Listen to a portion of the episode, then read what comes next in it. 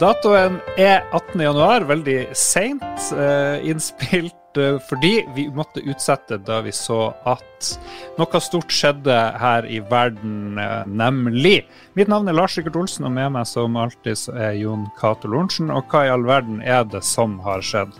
Det her husker jeg har veldig mange minner fra det når du jobba i papiravis og endelig sendte trykken, og så skjer det noe sånn katastrofe som endrer alt. Og da stormer du inn på trykkeriet og roper du 'Stopp pressen! Stopp pressen!' Det har vært en brann, eller noe sånt. Uh, det er sånn som skjer når man driver med nyheter. Så Vi hadde akkurat spilt inn episode, og så kom det noen rykter om at det var et stort oppkjøp på gang. Og så tenkte vi hvor stort kan det være? Men så var det noe av det største som kunne være. Ja, herre fred. 68,7 milliarder dollar, visstnok. Omtrent 604 milliarder norske kroner. Så mye penger skal Microsoft bruke på å kjøpe skandalebefengte Activision Blizzard. Dette ble først rapportert tidligere i dag av Wall Street Journal, og så kom Microsoft fort på banen og bekrefta nyheten i dag, tirsdag. Og eh, de sier sjøl oppkjøpet vil styrke Microsoft sin vekst innen gaming på mobil, PC, konsoll, cloud, og så har de til og med tatt med at her skal det være byggesteiner for the metaverse, Jon Cato. Hello, Metaverse. Ja, nå er det posisjonering på gang. Altså, det er mye penger. Det er like mye som Disney betalte for Fox, hele filmkatalogen og TV-seriekatalogen til Fox i sin tid, hvis man vil sammenligne. Kan også sammenligne med, med Zenimax og Betesta, som Microsoft kjøpte i fjor. Uh, det, I forfjor, var det vel. Det var jo en brøkdel av det her de betalte for det. Hvor mye var det, Lars? Var det 7 milliarder dollar, eller noe sånt? en tiendedel? Det var, nesten ingenting. Star Wars i sin tid trodde vi jo var helt vilt. 4 ja. milliarder dollar. Funcom ble kjøpt av Tencent. Det var, også, det var vel nede i Uh, ja, mye lavere enn det igjen. Altså Sånn så, som oppkjøp i spillverden, så er det vel noe av det største som har vært. Ja, det er det største som har vært, og Microsoft sier sjøl nå er det kun Tencent og Sony som er større i omsetning. Jeg må si jeg var overraska over at uh, de fremdeles ikke er større enn Sony i omsetning, men sånn er det tjener mye på, på uh, det store antallet brukere som Sony har fremdeles, og leder jo. Skal de sette inn dødsstøtet nå? I konsollverdenen? Microsoft prøver at å Altså, de prøver å se forbi PlayStation.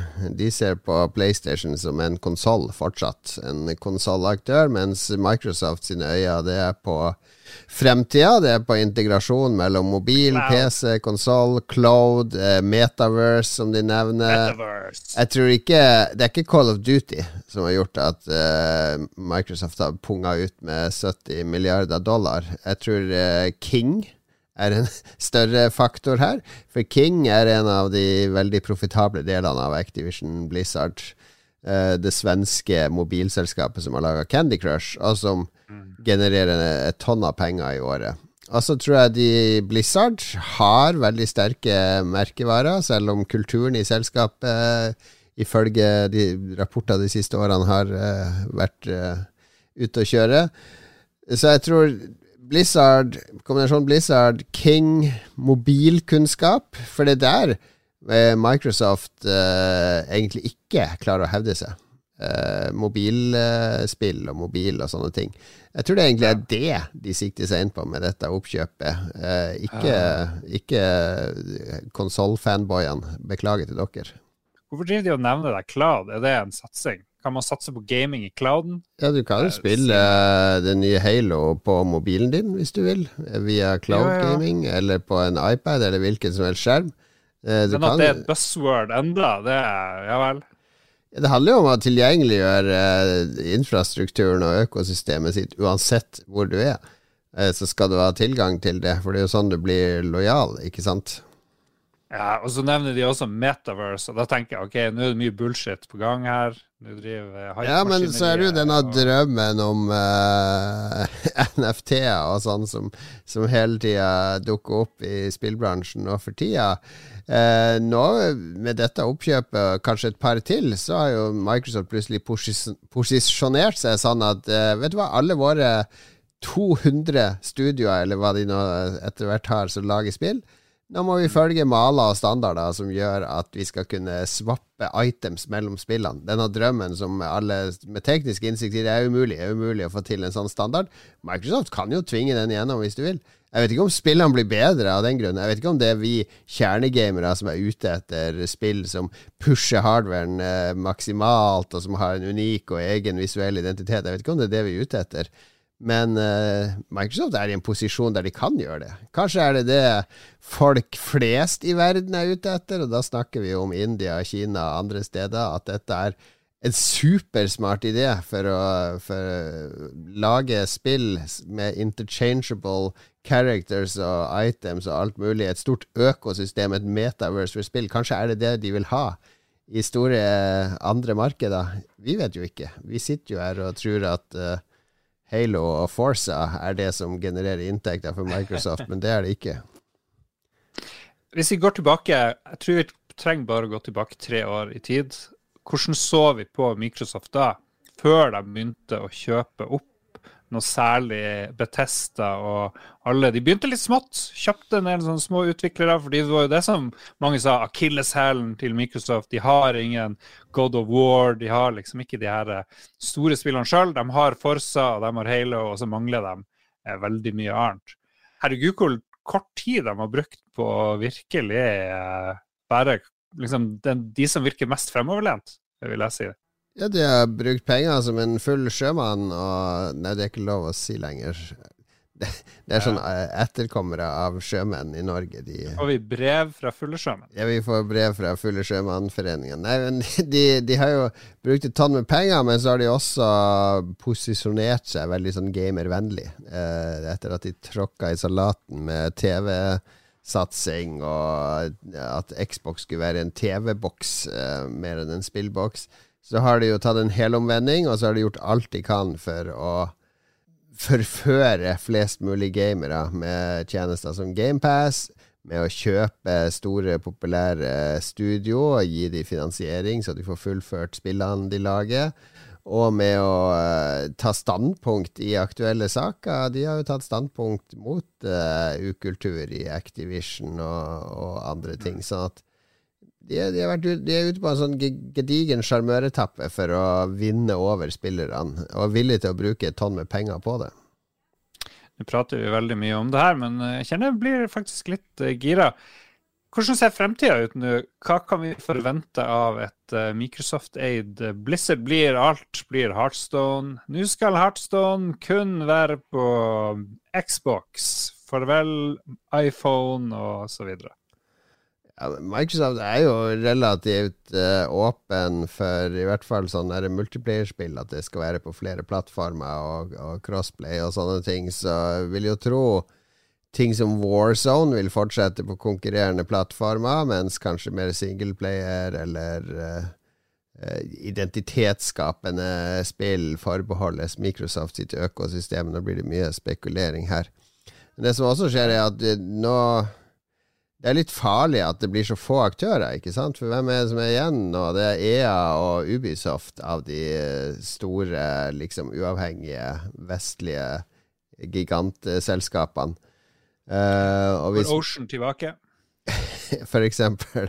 Men det, det, blir litt få stemmer, og så blir det litt uh, dårlige forhandlingskort jo færre store aktører det er i markedet jo færre, jo mindre konkurranse blir det. Altså kommer Microsoft til å ha så gode kort på hånda og så mange sterke aktører i stallen sin at du som mindre utvikler eller studio som kommer inn og skal pitche til Microsoft om et spill, du vil stille mye dårligere fordi Microsoft har en så sterk stall allerede.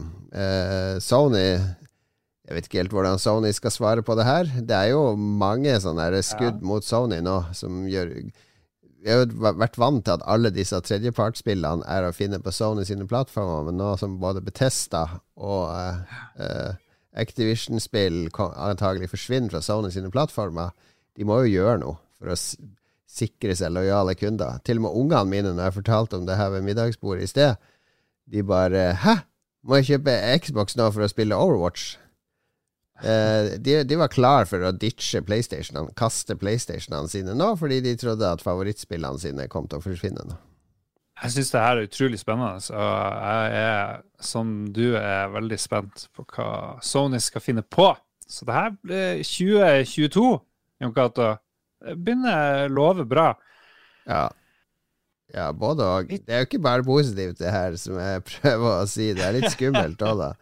Det er noe som heter Microsoft er jo ikke akkurat ukjent med antitrust, og uh, har jo prøvd å få monopol i operativsystem og sperre ut uh, andre browsere og sånn fra Windows, sånn at uh, jeg har ikke helt Jeg har ikke blind tillit til at Phil Spector og Microsoft er 100 pro gamere, altså.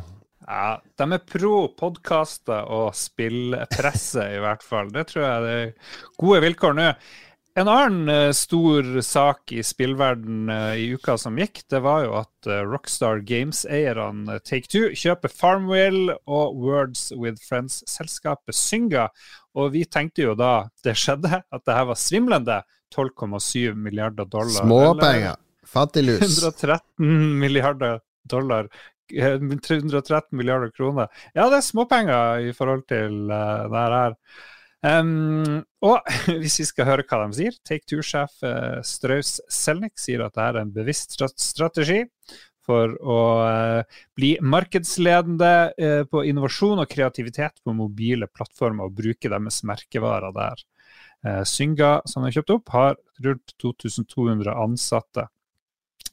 Og eh, ja, Vi skal snakke om at 2022 kanskje blir året med veldig mye oppkjøp. altså, Og det ser jo sånn ut, da.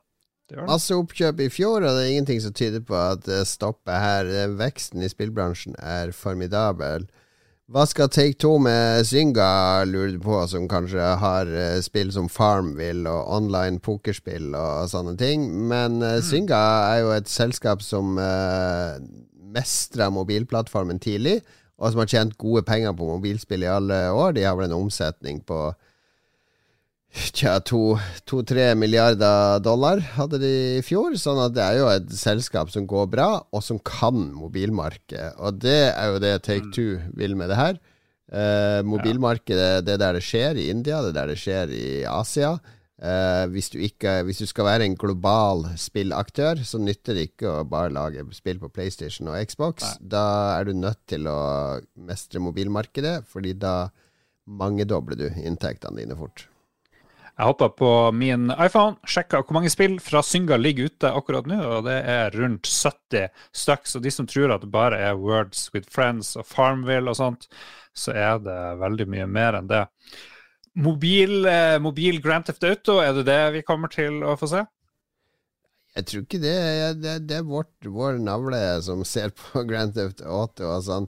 Ja, men jeg tror nok at de merkevarene som Take Two har, de har en del god del merkevarer, kan uh, gjøres om til mobilspill. Altså ikke portes direkte, men uh, at merkevarene kan bygge nye typer spill i mobilmarkedet. Er det nå at vi ber norske spillutviklere Herregud, se her, det er mobilspill. Det er det som gjelder. Glem smale PC-markeder. Gå bredt på mobil. Det er jo noen som gjør det allerede.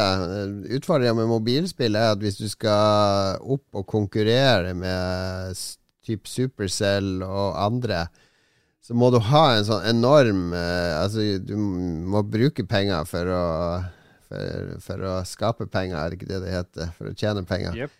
Eh, og det nytter ikke med tilskudd på to millioner fra Norsk Filminstitutt for å bygge opp verdens beste mobilspill. Du må ha et markedsføringsskjema på hundrevis av millioner kroner. Eh, for å få en eh, kritisk masse, og da må du i tillegg ha et perfekt spill som er tuna sånn at uh, folk er villige til å bruke penger på det, og samtidig føle at de har en god opplevelse. Og det er en, det er en business der bare de største egentlig leker med hverandre, og der de små fiskene ikke har noen sjanse. Vi skal så over til en slags moderne Nostradamus. Vi snakker om Dean Takahashi, forfatter og journalist, som kommer med spådommer for spillbransjen hvert år. Og han har du, Jon Cato, fulgt med en del år. Og så tenkte du La oss presentere lista for det han ja, mener. Hvorfor ikke starten? Jeg, tok jo med det her når ja. det var litt uh, slankt med nyheter. Så før Activision og sånn. Men uh, Takahashi, han har um, uh, Han, han spår uh, ting innen spillbransjen, da. Ja. Ikke, ikke, sånn der Jeg tror det kommer et nytt et nytt Metroid neste år. Ikke på det nivået, men mer sånn der business og hvor er bransjen på vei. Så Det syns jeg er interessant. Altså Det andre er jo at uh, han, uh, han, reviderer disse ønskene hvert år. Når året har gått, så, så, leser han opp eller går han gjennom alt han spådde, og gir seg sjøl en karakter på hvor godt treffer jeg med disse spådommene. Han er ikke redd for å gi seg sjøl stryk på de han bommer på. Men han, han, treffer på en god del. Det er jo det som er uh, greia fra år til år. At ja. han, han, klarer å spå en del, selv om han også bommer noe. Ja, det er jo litt artig å bare se, for han har hatt rett allerede på en del ting her. Han har uh, eh, f.eks. sagt at spilloppkjøp kommer til å vokse enda mer enn tidligere. og ja. Han spådde jo det her både før uh, Take Two og Synga og, og uh, Sony og Nei, og Microsoft og Activision skjedde. Så da tenker jeg denne mannen, han uh, kan alt. Hvilke andre spådommer er det som du har trua på her, eller har lagt merke til? På hans liste. Han har elleve. Ja, han har jo også hatt krigen mellom spillutviklere og plattformer eskalerer, og der er det jo en god del konflikter allerede. Epic og Apple er jo den mest kjente eh, konflikten rundt hvem eier hvem, hvem, skal bestemme hvor kundene skal få lov å handle ting i, ja. eller kjøpe ting i spillene våre. Hva er denne cutten ja. som vi må betale, disse monopolene dere har på, på butikker? Eh, og den blir nok å bre om seg. Nå ja, eier jo, jo Du kommer jo Microsoft òg til å bli en sånn kanskje litt sånn monopolist. Ja, hva, kanskje Microsoft skal være litt raus. Kanskje neste Call of Duty skal få lov å komme på PlayStation 5. Men uh, vi skal, dere får bare en cut på 5 ikke de 30 dere har pleid å kreve. Hva med Call of Duty på mobil? Det er kjempestort. Nå er det plutselig Microsoft som skal sitte og forhandle med Apple om eh, Altså, det, eh, det, er en masse iboende konflikter med disse storefrontene, og kan vi nå se at eh, Microsoft på PC Nå har vi Battlenet, er jo Blizzard og Activision sitt sted å selge spill. Og så har du Steam, som Microsoft har faktisk spillene sine på Steam. Er det interessant lenger? Skal de utvide mm. Battlenet til å bli en sånn Xbox-nett-spillbutikkportal? altså, det er masse som kommer til å skje. Ja. En annen ting jeg beit meg merke i her, det er at han sier at NFT, NFT-er i spill, vil bli mainstream. Og det var jo ganske heftig. NFT-er er jo ganske lite, et smalt område. Men uh, Her tror jeg nok er prega av å sitte for tett på tech-miljøene borte i USA, fordi den uh, ja, jeg, jeg, Vi må snakke om hva mainstream er, og hvis mainstream er at uh, noen hundre tusen transaksjoner med NFT-er vil foregå i dataspill, ok. Men skal du, mainstream er Candy Crush, liksom. Det er mainstream. Ja. God of War og Horizon Forbidden West, de nye, nye oppfølgerne som vel er sånn uh, seriøse PS5-spill. Nå har de liksom hatt tid å, utvikle ting til de her plattformene. De skal vise det sanne potensialet til next gen. Har du noe trua på det? Det er jo spennende spådom. Ja, jeg har jo troa Hvis du ser på PlayStation 1, 2, 3, 4 og sikkert også 5, så er det jo en markant kvalitetsforskjell på lanseringstitler og det som kommer to til tre år etter konsollen er lansert.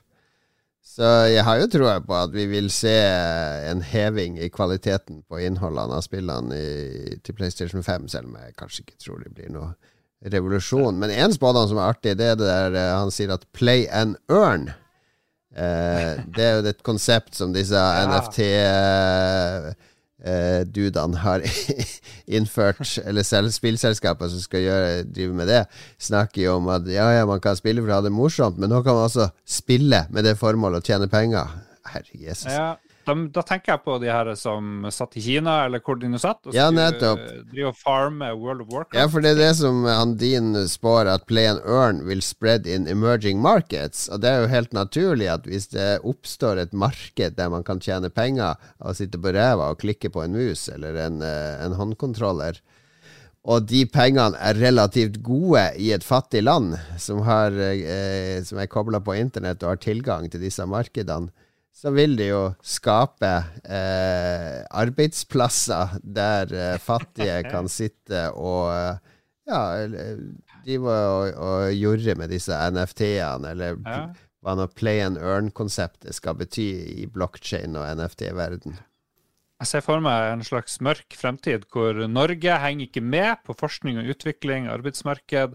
Vi eh, AI og automatikk, roboter, tar over, og da sitter vi, jeg og du, Jon Cato, om 20 år og farmer NFT-items i spill for å tjene til livets opphold. Jeg ser Det er så mye mørke eh, greier ved disse NFT-ene. Jeg ser for meg en ny uh, norsk spillutvikler som oppstår, som prøver å rekruttere programmerere og designere til selskapet sitt og lover de betaling i NFT-er underveis i utvikling. Jesus Christ. Slutt. Vi tar og avslutter med en kjapp nyhet om at PubG nå er gratis. PubG, kjempepopulært spill på PC for en del år siden. Var ikke så populært i dag, men kjempestort på mobil. Plutselig går de gratis. Hvorfor gjør de det?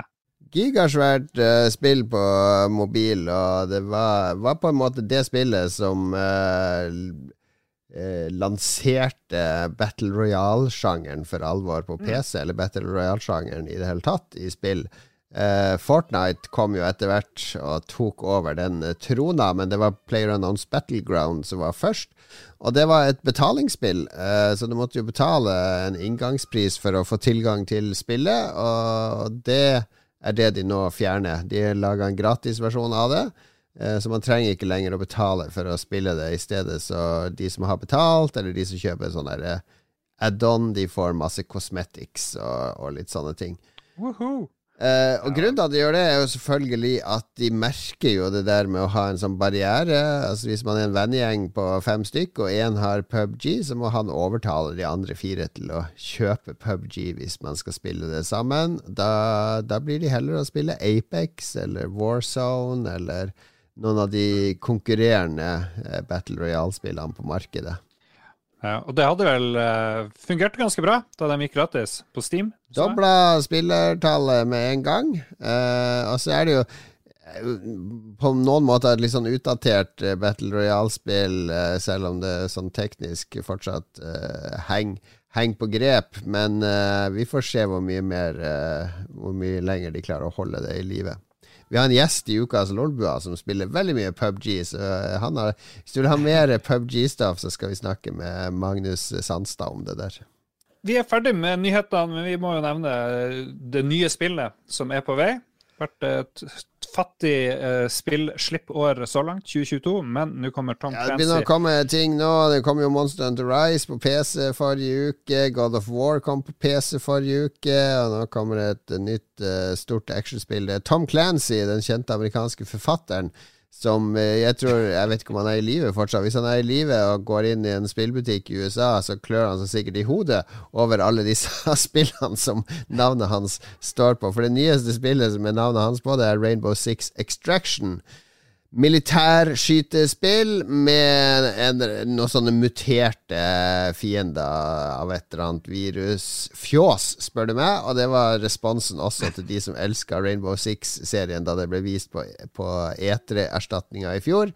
Det er ikke det her vi vil ha. Vi vil ha terrorister og politi og militære. Ikke en masse gule og grønne slimmonstre vi skal slåss mot. Tom Clancy døde i 2013, snart ti år siden, og var ganske syk en del før det, så Han roterer rundt i grava for hvert Tom Clancy-spill som slippes uh, i dag, det er jeg sikker på. Det. I uh, slutten av hver episode så bruker du å komme med sånne gode, innsiktsfulle ting folk bør gjøre. Du har snakka om å finne frem paraplyer, måke sne osv.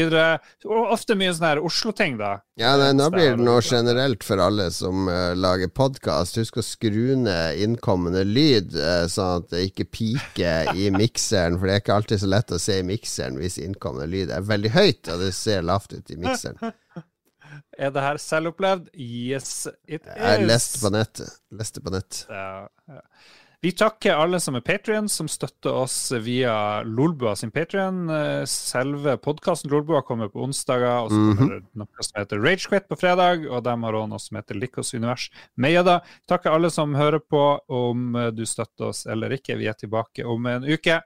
Ha det bra. Hei da!